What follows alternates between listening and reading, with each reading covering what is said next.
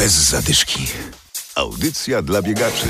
Dziś idziemy do lekarza. Do lekarza, który kazał nam przynieść buty sportowe i spodenki do biegania. Adam Sołtysiak i Adam Michalkiewicz, zapraszamy. Zanim podliczymy kilometry wybiegane w 2019 roku, porozmawiamy o najważniejszym. Czyli o zdrowiu. W naszym programie bardzo często przypominamy, że warto się badać. Teraz jest dobry moment, bo wizytę u kardiologa można wpisać na listę noworocznych postanowień. To, że dobrze się czujemy i nic nas nie boli, nie oznacza, że wszystko jest w porządku. Serce nie boli, mówi Michalina Mankiewicz z Centrum Chorób Serca i Krążenia IKAR w Poznaniu.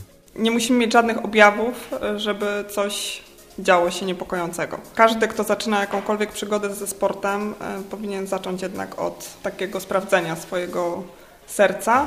Powinniśmy na pewno zrobić zwykłe EKG spoczynkowe, echo serca i test wysiłkowy. Są to takie podstawowe badania, które ocenią nam kondycję naszego serca zarówno podczas spoczynku, jak i podczas wysiłku. Większość sportowców amatorów niestety się nie bada. A badania, które wykluczają poważne choroby serca są bezbolesne, chociaż trochę się zmęczycie. Jeżeli jest USG serca poprawne, czyli nie ma żadnych wad wrodzonych, możemy wykonać test wysiłkowy.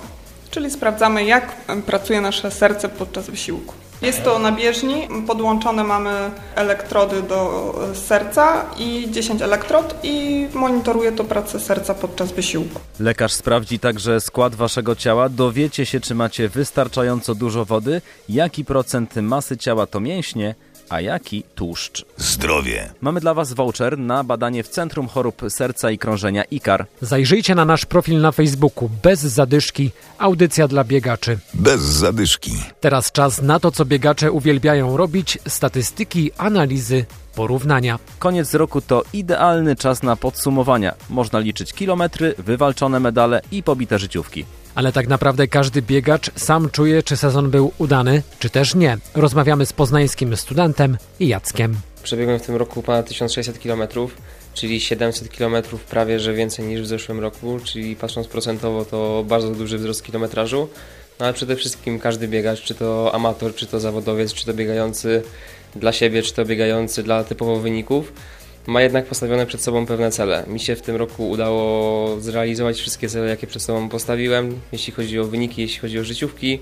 Właściwie na wszystkich dystansach, na których startowałem, czyli od 5 km do maratonu, udało mi się zrealizować wszystkie cele. Plany na przyszły rok? Na, na, pierwszym miejscu jest Poznań Półmaraton i złamanie w tym wypadku półtorej godziny. Jest to do zrealizowania w tym roku jeszcze bardziej biorę się na poważnie, jeśli chodzi o bieganie według planu według pewnej myśli, a nie tylko bieganie, można powiedzieć tak, żeby sobie wyjść i, i klepać kilometry, tylko jednak podejść do tego wszystkiego z głową. Prawdopodobnie latem pierwsze biegi górskie, półmaraton prawdopodobnie karkonoski i już później skupienie się na krótszych dystansach. Wyjątkowo w tym roku maraton odpuszczam i myślę, że na kilka lat pożegnam się z tym dystansem, żeby wrócić do niego za kilka lat zdecydowanie mocniejszym. Trzymamy kciuki za Wasze biegowe plany w 2020 roku. I na koniec ostatni w tym roku przegląd biegów. Jeszcze dziś w Poznaniu bieg Powstania Wielkopolskiego. W sobotę biegi sylwestrowe w Poznaniu i w Lesznie, a w Lusowie w powiecie poznańskim start biegu generała Dowbora Muśnickiego. W niedzielę drugi bieg powstańców wielkopolskich, to w Środzie Wielkopolskiej, w Olsztynie bieg sylwestrowy. Bez zadyszki. Audycja dla biegaczy. Znajdź nas na Facebooku.